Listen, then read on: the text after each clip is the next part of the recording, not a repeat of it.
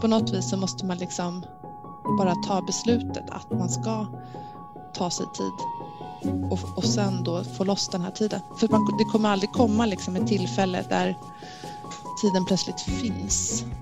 Hej och välkomna till podcasten Den hållbara chefen. Eh, jag heter Linda Högbacka och idag ska vi få träffa Gisela Bäcklander som är arbetslivsforskare på Karolinska institutet. Välkommen hit Gisela. Tack så mycket. Hej. Hej.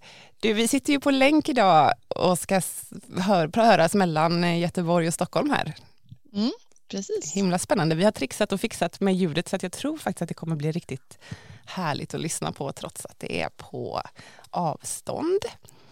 Eh, jag är jätteglad att du är här. Jag har liksom eh, hittat dig och din eh, forskning när jag har letat runt här på temat hållbara ledare. Eh, så jag tänkte höra, vem är du? Ja, jag eh, är då arbetslivsorganisationsforskare och eh, jag börjar med att beskriva mig lite så arbetsmässigt. Ehm, Filosofie doktor i industriell ekonomi och organisation från KTH där jag doktorerade på en avhandling om medarbetares självledarskap som är väldigt eh, eftertraktat eller vad man ska säga men jag kollar också lite mer på utmaningar med det men även liksom hur man får till det på ett bra sätt. Men eh, jag är inte ingenjör eller så, utan min studiemässiga bakgrund är mer inom HR och organisationspsykologi. Och nu jobbar jag då som forskare på Karolinska institutet i ett forskningsprojekt om hemifrånarbete under då pandemin och förhoppningsvis efter pandemin ska vi också hinna, hinna titta med mina kollegor Kristina Palm och Kalle Rosengren. Spännande. Det där eh, måste vi prata lite grann om tänker jag. Eh, du har ju precis också, eller det kanske inte är precis, men du har i alla fall skrivit en bok. Mm. Vad heter den? Ja, den heter Ostörd, eh, principer för en skärpt arbetsdag. Och den bygger ju på min doktors avhandling delvis och den forskningen som jag egentligen läste liksom under tiden för att när man läser in sig på ett område. Ehm, så förutom liksom min egen forskning så, så läste jag så mycket annan forskning som jag kände att det här är så bra och viktigt och jag vill liksom sprida det lite mer i, i Sverige. Och det handlar ju då mycket om hur man liksom förvaltar sina mentala resurser eller tillgångar egentligen i arbetslivet och hur man får mer fokus och liksom tid till sina kärnuppgifter eh, och liksom ja, rensa fram på något vis. Vad, vad är liksom kärnan? Vad är det, vad är det viktiga? Och, och rensa bort det som inte är så viktigt. Men det kan vara lättare sagt än gjort, även om man följer boken eller så. Ja, just det. Var, var kom den idén ifrån eller liksom tanken ifrån från början? Ja, men det är, ja, det är ju baserat på min forskning, liksom det här med kring självledarskap, att det finns en förväntan om att allt mer, att medarbetare ska kunna leda sig själva på många sätt, men eh, i framförallt kunskapsarbete då som jag studerade, eller liksom högre tjänstemän av olika slag, och där så, så såg jag ändå som att man, man ska hantera det här med att styra sig själv och man ska då utföra själva arbetet och det finns liksom ett stort eh, teknik eh, Alltså det är väldigt mycket teknik och signaler och så att förhålla sig till i e-post och chatt och massa olika liksom signaler som kommer. Och att allt det här på något vis möts ju då i arbetsminnet egentligen hos individen. Det är ju det man har till sitt förfogande liksom i stunden för att hantera de här alla olika intrycken eh, och sortera i dem och prioritera. Var ska jag rikta min uppmärksamhet nu? Det finns väldigt mycket som liksom sliter och drar här i min uppmärksamhet, men var ska jag rikta den? Ehm, och i det här då, i, i och med att man har då en, en begräns, man har ju begränsningar i kognitionen i arbetsminnet, hur mycket egentligen som får plats där och så vidare, så är det ju liksom, menar jag då, inte en så bra metod att förlita sig på det som sin liksom organiserings metod i organisationer.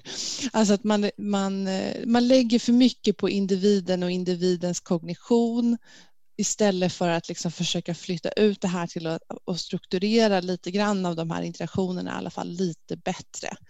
Att det blir en för stor kognitiv belastning eh, på individen. Det var egentligen det som var liksom motivet till att jag ville skriva eh, boken. Och lite mer, vad ska man säga, anekdotiskt att jag tycker många människor uttrycker det som så att man kan jobba en hel dag men ändå känna liksom att eh, man har inte fått någonting gjort på sitt riktiga jobb. Liksom. Utan, alltså dagen har på något vis varit fylld av olika sysslor eller möten men man känner att jag fick inget jobb gjort. Um, och liksom, var, var kommer den känslan ifrån och vad är det, vad är det för jobb man menar som är liksom då ens riktiga jobb? Det är ju mm. mer då ens kärnuppgifter ofta som man har. Just det. Men det här äh, kognitionen och arbetsminnet, hur, liksom, hur ser kapaciteten för det ut? Är det under en viss tidsperiod man kan fokusera det eller hur, liksom, hur funkar det? Mm. Man har ju, kognitionen är begränsad på två sätt som jag tycker i alla fall är de liksom relevanta i, i det här sammanhanget. Och det handlar ju dels om vad man har för maxkapacitet i stunden. Ehm, alltså typ bandbredd, liksom hur mycket kan man ta in och processa samtidigt vid ett och samma tillfälle. Och där är, blir det liksom arbetsminnet den begränsande faktorn. Hur mycket liksom kan man hålla i huvudet vid ett och samma tillfälle?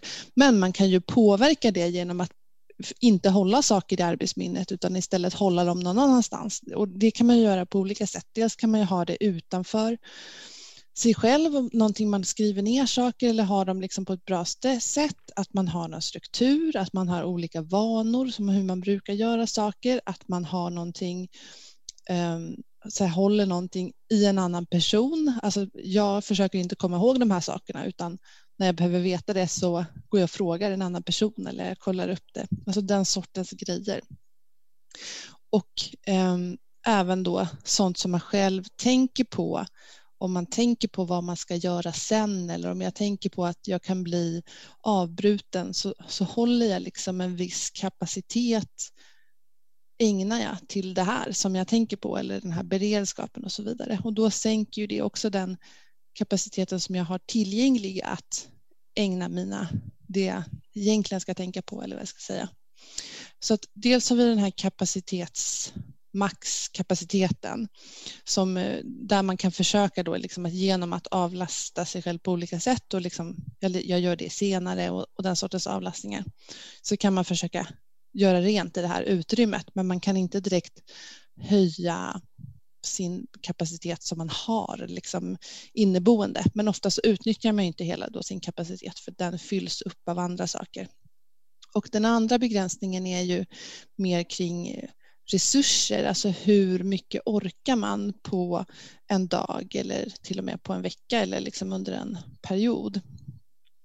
Och där är det ju mer att man, om man använder sig av väldigt kontrollerad kognition, det vill säga att man fattar beslut till exempel eller att man behöver sitta ner och tänka på någonting krångligt eller man ska skriva någonting originellt kanske. Eh, menar, om man ska skriva någonting väldigt standardaktigt behöver man inte ha, då använder man liksom inte lika mycket resurser som ifall man ska göra någonting liksom, mer nytt. Eller om man ska hålla en presentation som är väldigt viktig, liksom att då är det liksom en stor urladdning som gör att efter det så blir man liksom lite sänkt då kan man säga ett, ett tag i sin energi att jag orkar inte fatta fler beslut nu. Eh, resurserna är liksom slut för tillfället.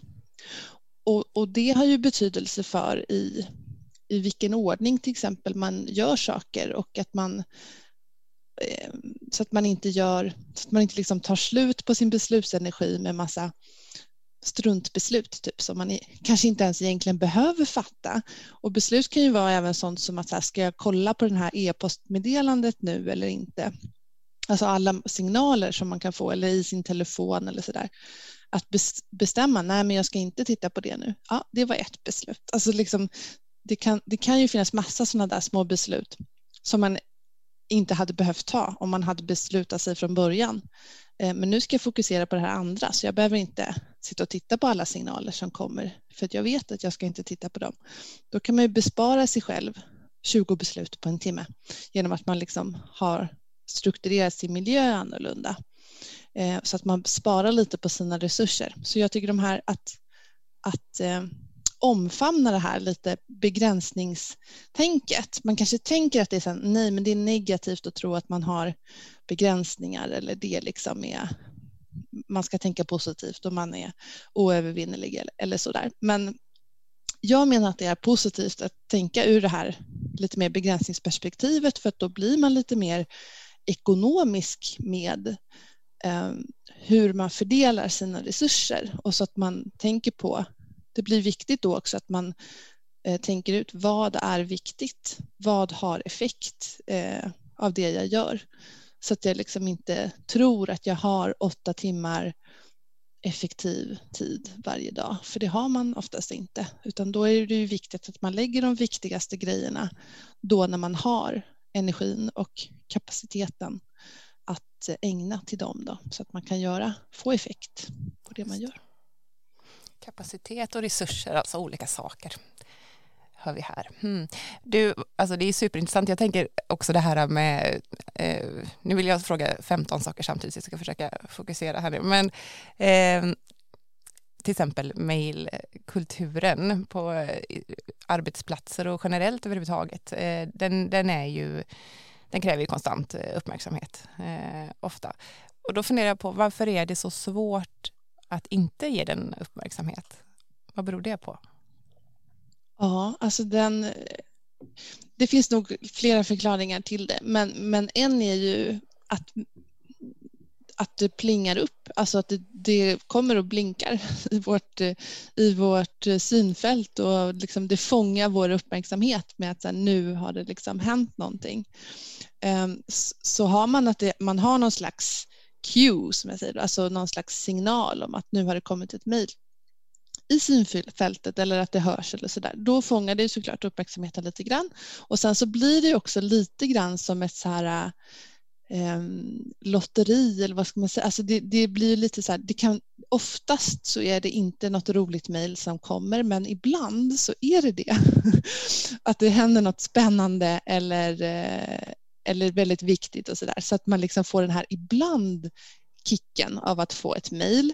Det är ju liksom nästan en liten sån här gamblingmekanism, inte att man har som är så då bara för att liksom ibland får man ett kul mejl eller det är väldigt viktigt och så man känner att man behöver hålla koll på, på mejlen. Sen så tror jag också att det kan vara att många uppgifter som man har som är viktiga och svåra, som är svåra att göra tid för, man behöver lite mer tid att sitta med dem då kan det ju vara alltså man kanske blir lite understimulerad, alltså att man, man letar efter, man välkomnar nästan att bli avbruten av ett mejl för att då, då, liksom, då händer det något lite nytt. Eh, att hjärnan liksom spejar lite efter, så här, ska det inte hända något nytt nu? Och också det tror jag att folk känner så här att när man reagerar på saker som kommer till en, folk som ber en om hjälp eller så, så, så kändes det liksom tydligare att man gör någonting man gjorde någonting nyttigt. Jag hjälpte någon. Någon frågade mig och jag hjälpte den personen. Då känns det ju ändå tydligt att jag liksom har gjort någonting. Mm. Så jag tror att man också kan dras lite till det eh, av det skälet. Men sen också då alltså av eh, oroshanteringsskäl. Att man känner att man måste hålla koll på sin mailbox. Man tycker att det känns obehagligt att inte hålla, hålla koll. Om mailen är en eh en, ett avbrott. Du ser ju så här, man mm. sitter och fokuserar på något arbete man håller på med och så mm. mail, kommer mejlen och så blir det liksom någon form av välkommet avbrott för att hjärnan vill ha någon distraktion på något sätt som du beskrev eh, förut. Mm. Mm. Då kan man ju tänka sig att det blir ett negativt avbrott på det sättet att det kanske genererar att man behöver ta ett beslut eller man behöver eh, göra någonting eller man blir störd eller. Vad skulle man kunna ersätta det med då? Om hjärnan ändå behöver distraktion, tänker jag. Precis. Um ja, dels är det ju liksom, alltså det är inte som att åh, allting är förstört, jag kollade på ett mejl, utan alltså det kanske är helt fint att man kollade på det där mejlet, bara man liksom då sen kommer tillbaks till det man skulle hålla på med.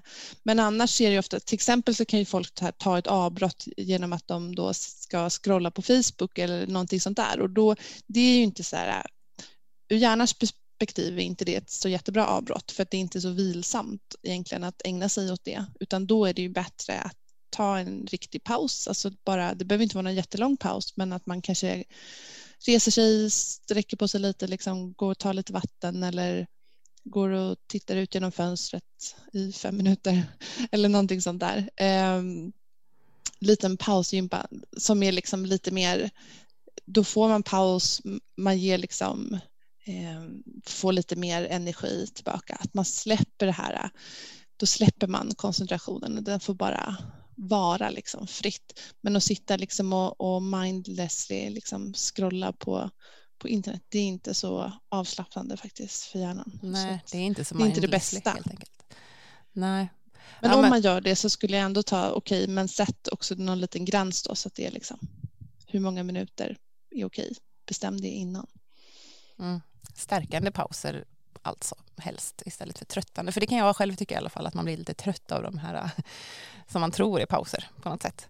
Men det kan även ja, vara men det är ofta det är lite som ett eget jobb höll jag på att säga med, med mycket sociala medier för där är det också massa pling och meddelanden och ska man titta på det och, och så kanske man inte bara får positiva känslor. Det beror på hur man liksom har i sitt flöde men man kanske också blir det kanske är mer i ungdomar i och för sig som jag har sett det att man liksom kanske känner man jämför sig eller sådär med andra eller liksom jaha nu har den fått ett nytt jobb. Kanske man ser om man sitter och kollar på LinkedIn då istället för Instagram om man är mm. lite äldre. Men eh, så det är också så här känns det bra liksom att vara där och, och så? Eller de, de sociala medier man tittar på blir man glad? Känns det bra? Eller känns det inte bra när man har varit där? Det är ju också en skillnad. Mm.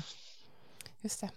Du var inne på det här med beslutsfattande alldeles nyss eh, och det är ju utifrån den här podcastens tema för chefer så är det ju väldigt eh, intressant. Ehm, då funderar jag på, kan man sortera bort beslut man alltså inte behöver ta på något sätt? Eller hur ska man liksom hantera det? Att det kan liksom bli beslut dagen, dagen igenom liksom på något sätt.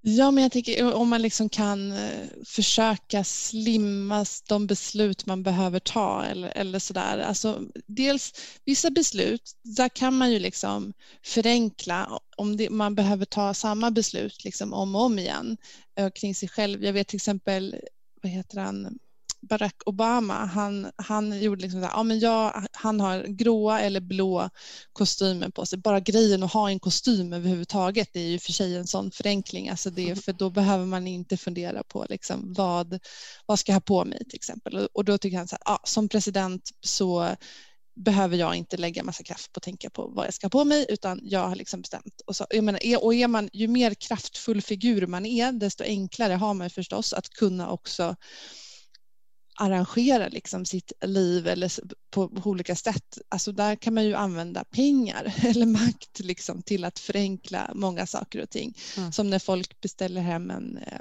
matkasse till exempel. Då har man ju bytt liksom. Mm. Eh, vi behöver inte tänka på vad vi ska Eh, äta till middag eh, utan det beslutet har vi liksom outsourcat till det här matkasseföretaget. Då behöver vi bara laga maten vilket är kanske inte lika ansträngande faktiskt som att behöva tänka ut vad man ska vad man ska äta. Så den sortens grejer, och det kan väl gälla även chefer, alltså det kan ju vara saker i privatlivet också som man väljer att förenkla eh, för att liksom minska den här besluts, totala liksom beslutsbördan om man säger. Så det är ju sånt att försöka liksom så här, okej, okay, men det här, det är inte viktigt för mig att fatta det här beslutet på nytt varje dag, utan eh, jag bestämmer det en gång i veckan eller jag bestämmer det nu en gång för alla, att jag, jag har de här kläderna på mig. Eh, som de har gjort för att förenkla.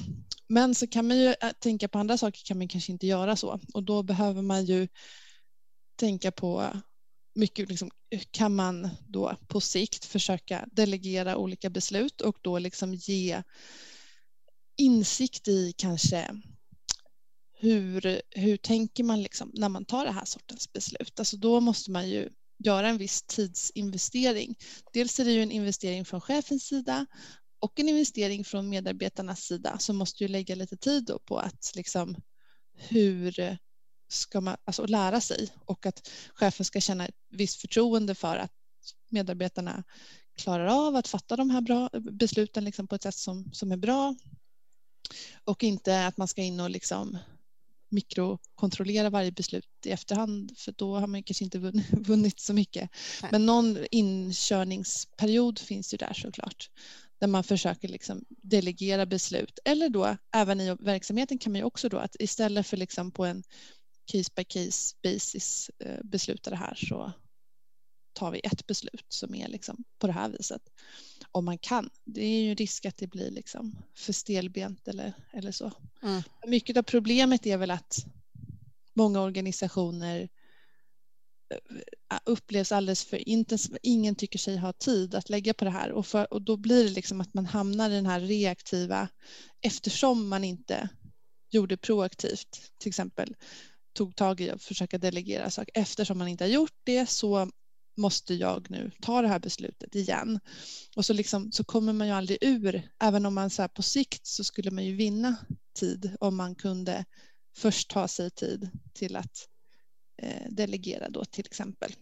Mm. Och det där är ju ett problem i väldigt många organisationer, att man tycker att det är så intensivt och liksom att man inte har tid men en anledning till att man inte har tid är, för att, är ju för att man inte tar sig tid. Så då har man ju också inte, alltså, då är man ju kvar i den situationen där det inte finns någon tid, om du förstår vad jag menar. Mm. Så på något vis så måste man liksom bara ta beslutet att man ska ta sig tid och, och sen då få loss den här tiden. För man, det kommer aldrig komma liksom ett tillfälle där tiden plötsligt finns. Det tror jag inte. Nej. Det där sägs ju om ganska mycket. Typ, det kommer aldrig komma det tillfället för att, det perfekta tillfället helt enkelt för någonting egentligen i livet utan det är bara att, att göra det. Men du, allt det här eh, kom ju ifrån eh, din forskning kring självledarskap som du nämnde i början där. Vad är det egentligen för någonting? Mm. Alltså det, är ett begrepp, det har ju blivit ett ganska trendigt begrepp de senaste två åren eller sådär och eh, så folk fyller ju det med ganska mycket olika saker. Ur mitt perspektiv och min forskning så handlade det mycket om att för jag pratade också med arbetsgivare och chefer om vad de tyckte liksom att de menade med det här självledarskap och, och självgående också, att vara självgående, för att det är inte riktigt samma grej. Um, och då handlade det mycket om att medarbetarna skulle kunna fatta beslut uh, och agera liksom mycket på egen hand utan att ha så mycket input liksom från chefen och utan att få liksom instruktioner. Så att det hängde ju mycket på att kunna liksom läsa situationer och förstå vad är det egentligen nu som jag borde göra nu. Ett exempel var eh, som kom fram i den här forskningen och då var ett exempel på en person som inte var så självledande då och då handlade det om att ja, men den här personen är liksom på samma, på samma möten som alla andra eh, men ändå så kan han inte riktigt utläsa riktigt vad det är som han borde göra. Från, liksom, tyckte den här chefen då att den här personen fick ju samma information men, men de andra kunde liksom översätta informationen till arbetsuppgifter om man säger utan att få specifikt eh, instruktioner mm. kring det. Men den här personen kände sig inte riktigt säker med det då, eller på samma sätt. Så det, och då tyckte man liksom att då blev det lite arbetskrävande för chefen att behöva specificera arbetsuppgifter åt någon eh, jämfört med om man liksom kunde utläsa det själv. Så egentligen så ska jag säga att det handlade ganska mycket om det på olika sätt, eh, högt och lågt. Liksom att, att, kunna utläsa det och ha gott omdöme, liksom att förstå eh, vad är liksom organisationens mål och hur kan jag bidra till dem och vad ska jag göra nu? Och sen kan ju det där vara liksom olika tydligt i olika organisationer om man, om man specificerar på något vis arbetsuppgifter eller om det kommer in arbetsuppgifter i något system eller, liksom, eller om det är väldigt fritt och flytande och man ska kunna utläsa själv eh, vad det är för någonting. Men jag tycker att det är intressant då att man ändå så här, eh, chefen, när chefen själv var den som skulle specificera vad arbetsuppgifterna var för någonting, då insåg man ju väldigt snabbt att det var ett arbete att göra det. Alltså själva det här att specificera arbetsuppgifter, det är en arbetsuppgift som tar tid. Ehm, men, men när man tänker sig att arbetstagarna ska göra det själva, då tänker man inte lika mycket på det som att det är en, någonting som också kräver ett arbete. Att liksom mm. utläsa vad arbetsuppgifter, arbetsuppgifterna är för någonting eller man ska säga, liksom konstruera dem på något vis. Eh, utan då är det mer någonting som man tänker det ska bara ske naturligt och inte någonting som också tar tid och kraft och att man liksom behöver. Det tyckte jag var lite intressant. Mm. Att så här, när chefen fick göra det själv så insåg man just det, det här är ju jätte, det här tar jättelång tid att hålla på med det här. Ja, eller hur. Just det. Och, men det kan, ju också, kan det också vara så att det liksom har, minskar den här beslutsbördan i slutändan för chefen alltså? Ja men absolut, det, det, tror jag är en jättestor anledning till att man i alla fall så som man själv tänkte då, som de tänkte kring självledarskap, att det är attraktivt eftersom det då, jag menar det är väl jättebra med medarbetare som förstår vad de ska göra och är kompetenta att göra det och så gör de det bara. Eh, och om situationerna förändras då fattar de galoppen och, och gör på ett annat sätt och kräver liksom inte massa input, eh, övertalning eller instruktioner från chefen. Det, det är ju ganska lätt att förstå att man tycker liksom att det, mm. Eh, det är väl jättebra om det kan vara så. Men, eh, men frågan är ju hur man liksom ja, då behöver man ju på något vis, det måste ju bli ändå tydligt för folk då liksom vad, hur gör vi det här och, och eh, i vissa fall så kanske man förlitar sig då mycket mer på man har en specifik yrkesutbildning eller som någonting säger liksom vad man ska göra. Jag tänker som ja men, läkare eller sådär till exempel, då har man ju liksom väldigt tydlig yrkesidentitet som på något vis guidar en i vad man ska göra för någonting och hur man ska tänka och liksom, eh, bedöma olika saker. Medan vissa, många andra, även högutbildade yrken, är ändå, de är inte lika tydliga utan de är liksom ändå mer eh, kontextberoende och man måste förstå organisationen och hur funkar det här och hur funkar det hos den här kunden och liksom, alltså det är ju massa sådana saker som man mer då behöver snappa upp på något sätt. Mm. Eh, och där kan man ju då tänka sig att som organisation så så kan man ju vinna på att försöka tydliggöra de här sakerna och göra det transparent och ju, ju mer man kan. Eh, I och med då att då blir det fler personer som kan komma upp till en nivå där de liksom kan vara tillräckligt eh, självledande och, och alltihopa. Om, om man får lite hjälp eller liksom att man har. Det handlar inte om att chefen ska ha så svaret och ska i många fall, alltså att det liksom chefen ska säga åt folk att det är det här som är rätt svar utan snarare då kanske man behöver tänka på att skapa på något vis tillfällen för um, den sortens interaktioner som liksom blottlägger den här logiken lite grann i organisationen eller i yrket och sådär. Och mycket av det har man ju tidigare i alla fall gjort genom att folk jobbar tillsammans, att man sitter på samma plats, eh, att man kan se eh, vad de andra gör och kanske höra lite grann och liksom eh, förstå hur de tänker, till exempel de som är lite mer erfarna kanske till någon som är lite mindre erfaren eller så. Det, och det behöver inte vara att man är helt ny heller, det kan ju vara att man kanske kommer ny till just den här organisationen eller att man bara från en annan avdelning eller så, så kan det ju ändå finnas nya saker som man behöver få in. Mm.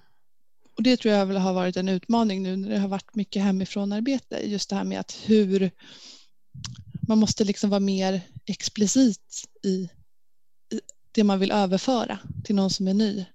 De kan inte bara snappa upp saker genom att de är på plats. Nej, just det.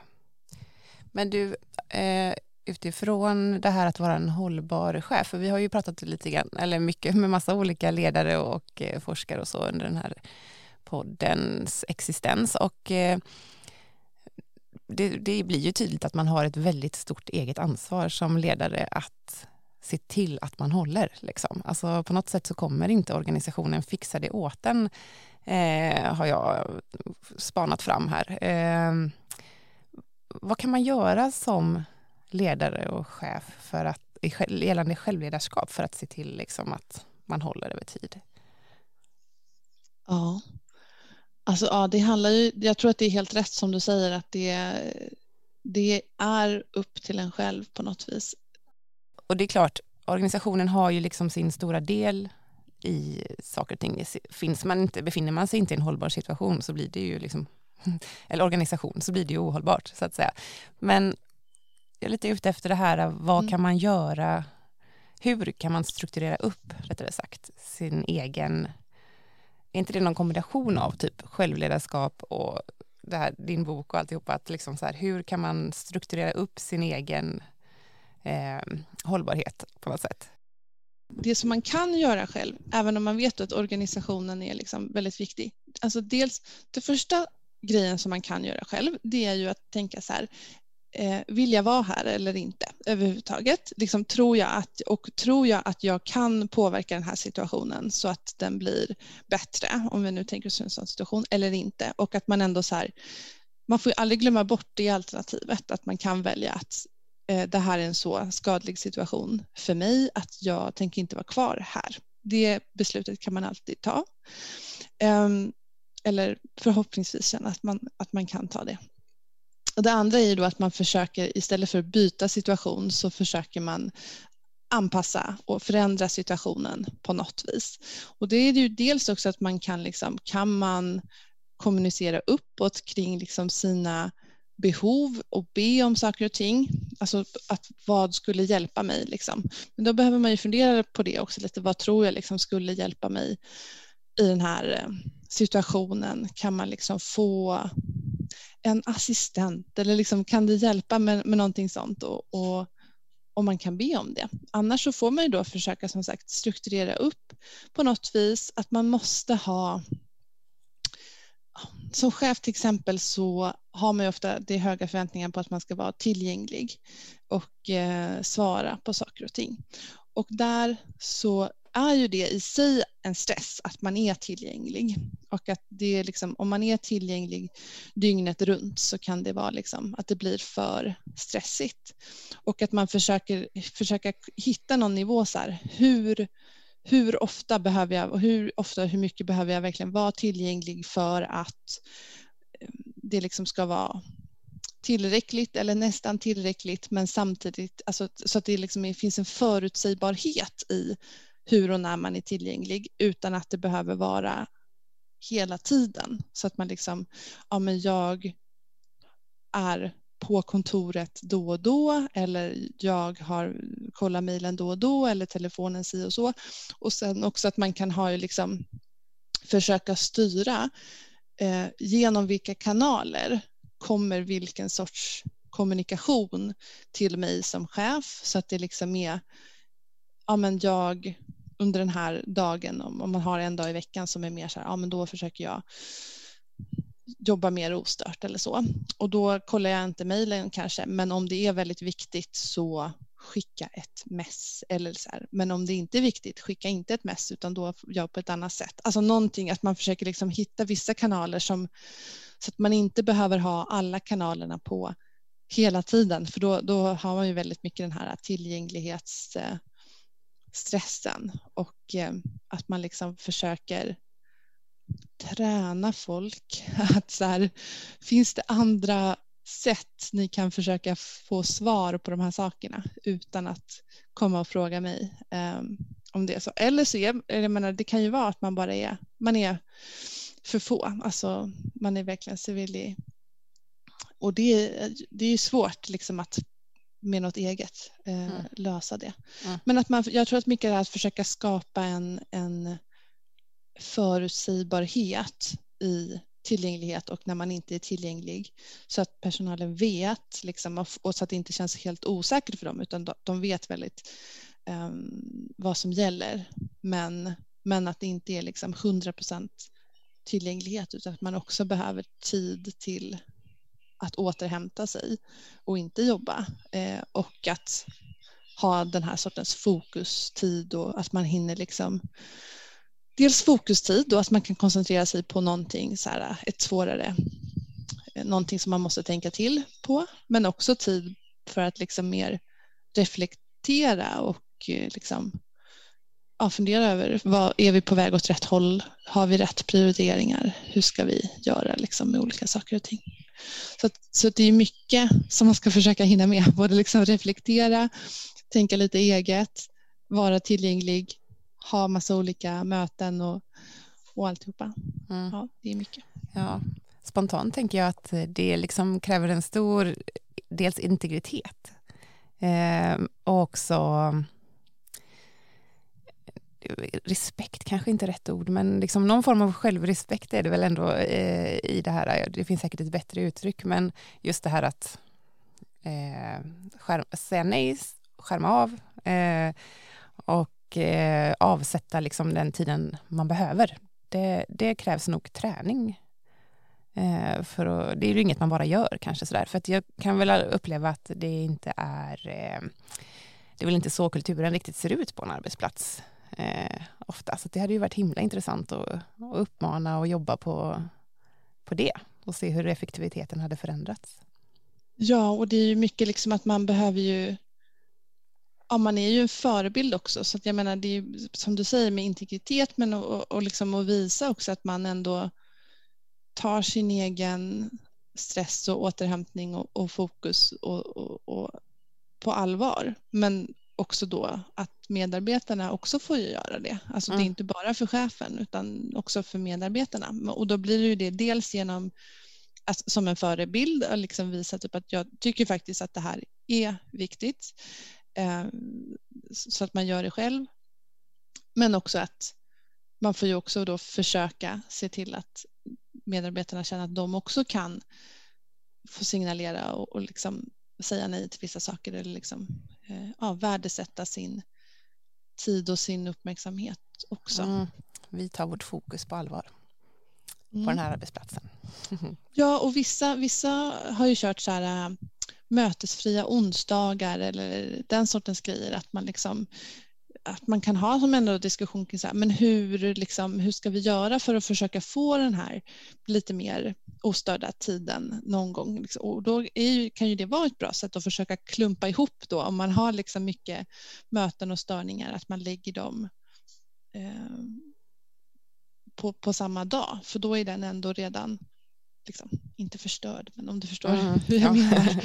mm. liksom att då kan man lika gärna ta alla mötena då och sen så har man fått den här lite grann luckan då i, i kalendern där man försöker hinna med. Och kan man inte ta en hel dag så kanske man kan ta en förmiddag eller man kanske kan ta, liksom försöka hitta och då också komma överens om att vi gör så här gör vi här, att vi värdesätter det. Mm. Just det. Väldigt intressant, mycket att fundera på. Eh, I föregående avsnitt så hade vi, eller föregående långa avsnitt så hade vi Lotta Delve från Göteborgs universitet här och då var vi inne en del på kreativitet och hur det påverkar chefers förutsättningar på arbetsplatsen. Eh, och det här har ju du också eh, forskat kring och har ett intresse kring. Eh, berätta gärna mer. Ja, alltså det som jag tänker är den största liksom, kopplingarna mellan det här med hållbarhet eller stress och kreativitet är ju egentligen flera saker. Dels så handlar det om att en person som är stressad är ju oftast inte så kreativ. Man får liksom ganska mycket tunnelseende och ens fokus och tankar fångas av det här som man upplever lite som ett, ett hot och det blir då mer liksom så här, ah, fokus på att försöka smasha bort de här ah, bollarna som, som kommer. Liksom, man är, man, oh, bort med de här. Eh, Medan för att, ha, för att vara kreativ så behöver man liksom ha lite lösare, då behöver man inte ha väldigt hårt hållet fokus utan då behöver man vara lite mer öppen så att tankarna kan liksom gå lite mer fritt och liksom lateralt, man säger, lite sidledes, eh, inte bara fokusera på en, på en grej så här. Inte hyperfixera. Så att, och att försöka uppnå det tillståndet när man är stressad, det, det är inte lätt. Um, och sen så är det ju också lite mer konkret att om man är liksom upptagen med saker hela tiden så finns det ju inget utrymme riktigt för att komma på andra idéer eh, heller. Alltså om man får massor av input och våra liv är ju liksom fyllda av massor av input hela tiden, alltså det, med massor av då signaler från teknik och, och liksom i, i mobiler och från folk om, om vi sitter på ett Eh, kontorslandskap, det är massa liksom intryck på massa olika sätt hela tiden och även då när vi eh, man kanske går en promenad, då kanske man lyssnar på en podcast eller något och då får man intryck där också. Så att, jag menar, det kan ju vara eh, och då, då har man inte liksom rent konkret då i stunden, alltså ifall hjärnan håller på och plockar in en massa intryck bara, alltså för, för mycket så, så har man inte riktigt det här utrymmet då att tänka liksom och tänka lite friare och se var tar tankarna vägen eh, när, man, när man har det här lite mer utrymmet. Mm. Så det handlar ju både om verkligen så här typ proppar man in saker hela tiden så, så har man inte det här utrymmet att röra sig men också att om man är liksom i ett stressat tillstånd så är det svårt att också öppna upp liksom kognitivt, att man är, man är lite stängd och för fokuserad när man är stressad.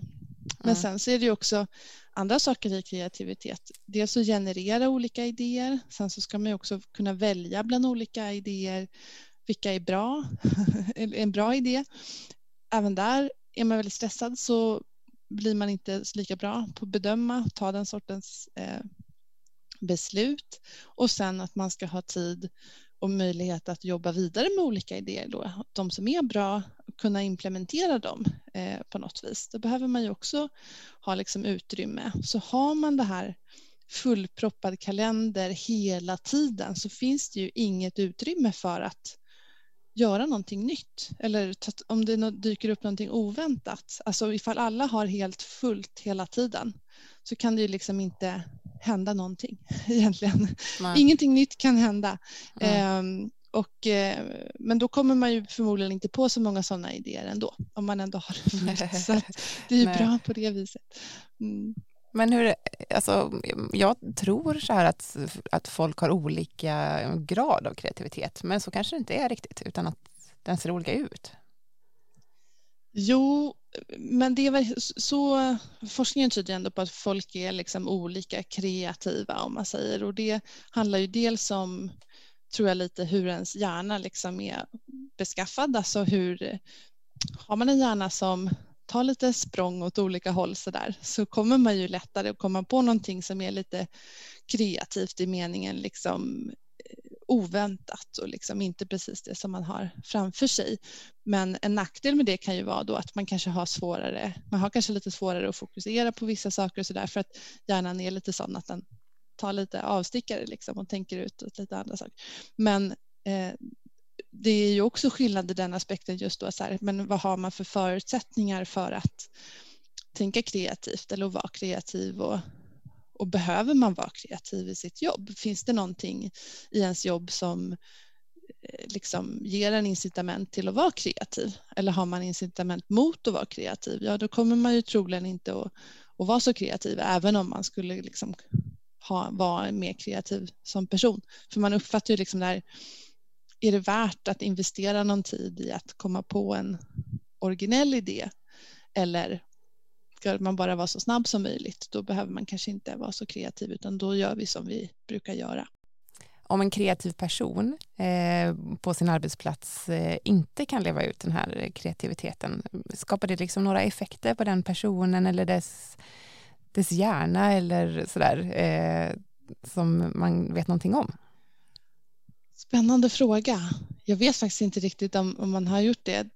Det jag däremot kan tänka mig är ju liksom att för man har, alltså man känner att man har en stor, alltså om man har en kompetens eller liksom en läggning på något vis för någonting som man inte får leva ut, alltså då blir man, kommer man ju att bli missnöjd antagligen i sitt jobb om man inte tycker då att man kan få leva ut det tillräckligt mycket i någonting annat. Jag, jag har i alla fall en bekant till exempel, hon jobbar med administration och det kanske inte är jättekreativt men hon får liksom rå sig själv ganska mycket i det där administrativa. Men sen jobbar hon också, hon målar och skriver böcker, har gett ut flera böcker liksom och så här, som hon har haft möjlighet att göra. Ehm, så, och liksom levt ut mycket av sin kreativitet på det viset. Så att Mm. Allting måste ju inte hända på jobbet men om man känner att man aldrig får leva ut det här som man liksom väldigt gärna vill göra så kommer man definitivt bli missnöjd. Men jag vet inte, det är en jättespännande fråga ju om så här, hjärnan blir liksom Ja, så jag såg framför mig en förkrympt muskel. Ja, precis. Bara, ja. Ja. Mm. ja, det får man fundera på då, eller forska på helt enkelt någon gång. Mm. Mm. Men du, ehm, vi kommer ju, det var ju hysteriskt intressant att ha dig med för det första. Det finns ju så mycket, mycket att prata om. Eh, och eh, för att det här avsnittet inte ska bli allt för långt så kommer vi knyta ihop säcken ganska snart. Men jag tänkte, du nämnde att du forskar kring eh, pandemin och den digitala världen som vi lever i nu. Vilket vi alla undrar, hur påverkar den här egentligen och vad kommer hända? Hur långt har du kommit i den forskningen? Ja, vi är väl lite mitt i den kan man säga. Ehm, och också försöker hålla koll också på, dyker upp andra studier eller även som inte är studier men kanske är bara vad folk snackar om liksom i de här olika eh, sammanhangen. Och eh, ja, men det som jag tycker att det tyder på eh, nu är för att de eh, de, många medarbetare verkar ändå tycka att det har gått ganska bra tror jag med att liksom jobba hemifrån och jobba remote. Och eh, att det är mer, jag tror, jag tror många chefer upplever att deras jobb har blivit svårare. Jag tror fler chefer tycker det än medarbetare tycker att deras eget jobb har blivit svårare det finns såklart undantag, men många verkar tycka att det går jättebra att göra liksom, mitt jobb. Eh, det går hur bra som helst att göra det remote. Men eh, det som inte blir så mycket av är ju till exempel träffa folk från en annan avdelning som man egentligen inte jobbar med. Det blir ju typ noll av det ungefär. Så att man inte får liksom de här informella snacken och sådär. Men, mm. men att chefer verkar de vi har pratat med verkar ju för sig också tycka att det ändå har gått ganska bra, men de verkar mer tycka att deras jobb har blivit svårare. Det är svårare att se hur folk reagerar på det man säger och eh, ha svåra samtal, ta svåra samtal med medarbetare till exempel, att det är ju väldigt svårt upplever man att göra digitalt, mm. utan då har man kanske till och med valt att göra det in person eh, ändå ifall det liksom har varit ett riktigt svårt samtal om man säger. Och jag tror väldigt många chefers jobb liksom bedrivs mycket genom att man, ja, men att man möter människor och liksom bygger på sin relationskompetens ganska mycket som chef. Mm. Eh, att man, eh, man är van att liksom läsa av människor och eh, se liksom, ja, men hur, hur tas det här emot när jag säger det här och, liksom, och kunna också känna av lite en vibe, liksom, hur mår folk? Hur, eh, det är svårare att känna av hur folk mår. Ehm, och också att en del chefer tror jag tycker att det kanske inte är så roligt att vara chef om man inte får den här eh, energin som man får av att träffa människor och liksom vara chef med med sina medarbetare sådär. Att man tycker att det mm. inte är lika roligt. Så det är min uppfattning. Mm. Är liksom det här med när man tittar på en skärm dagen ända, man kan ju bli väldigt, väldigt trött mm. i huvudet på något sätt. Är det liksom, och då förstår jag, ja det är klart man tittar på en, på en digital skärm alltid, det är liksom en form av intryck och det tröttar på något sätt. Men eh, är det något annat med det där som gör att man blir så så matt på just skärmar? Ja, ja det verkar ju, vara, verkar verkligen vara så att man blir tröttare av det. Jag tror att det är liksom är delvis att det är, ja men man får inte, man får ingen social energi direkt av att så här, som man skulle ha fått om man träffades i verkligheten.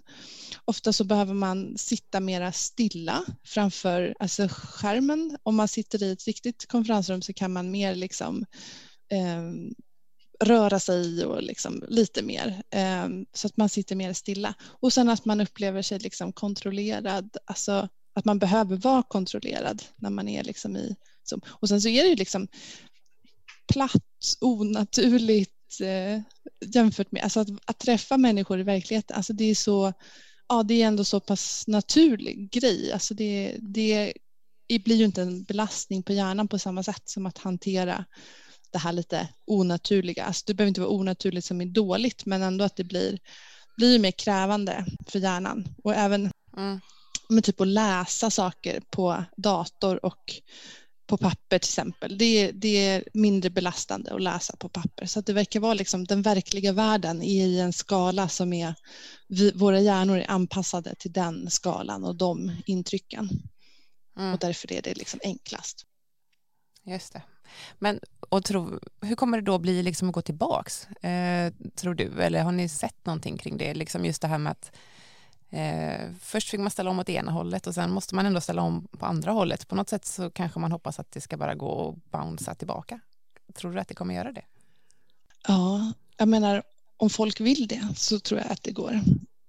Eh, men om medarbetarna inte vill det utan de tänker så här, nej, nu, liksom, nu är det ju bevisat att det går att sköta mitt jobb från min sommarstuga så jag tänker aldrig åka härifrån.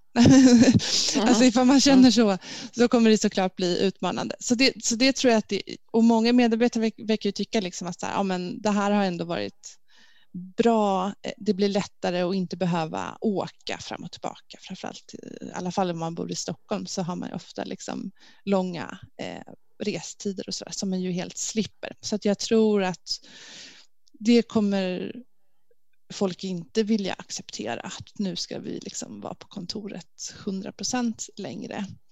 Um, och jag tror många sorters möten tror jag man tycker så här passar bra, kanske att man har digitalt och så.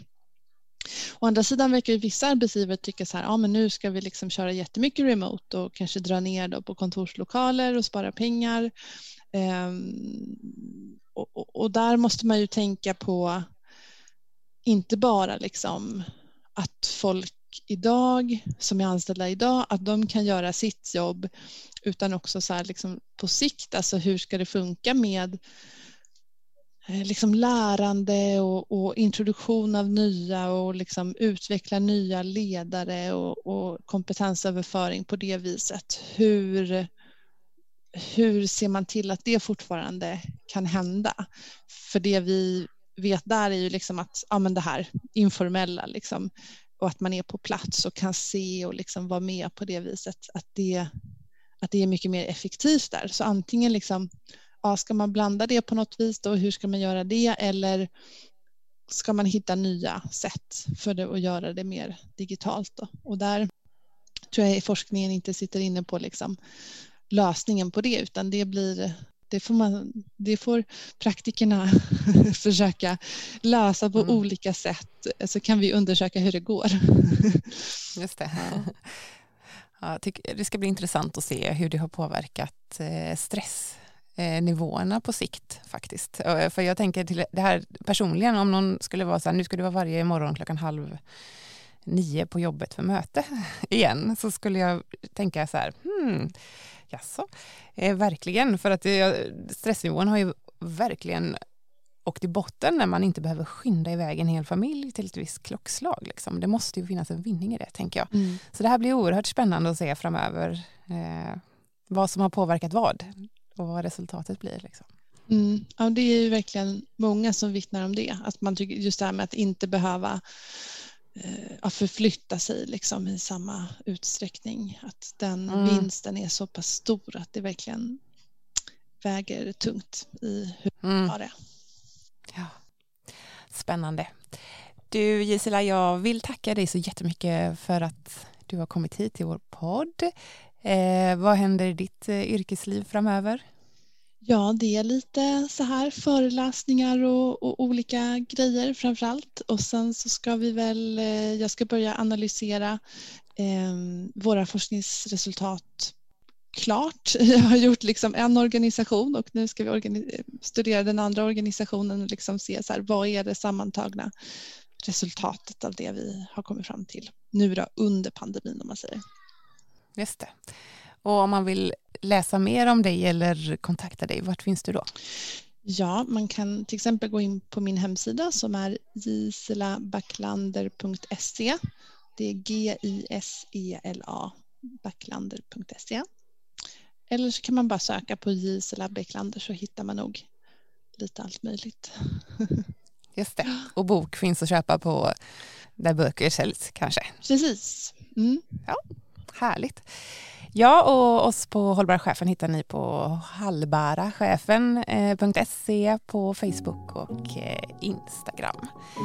Eh, och nu tar vi hand om oss där ute och kanske omfamnar begränsningarna då utifrån det här avsnittet. Tusen tack för att du var med, Gisela.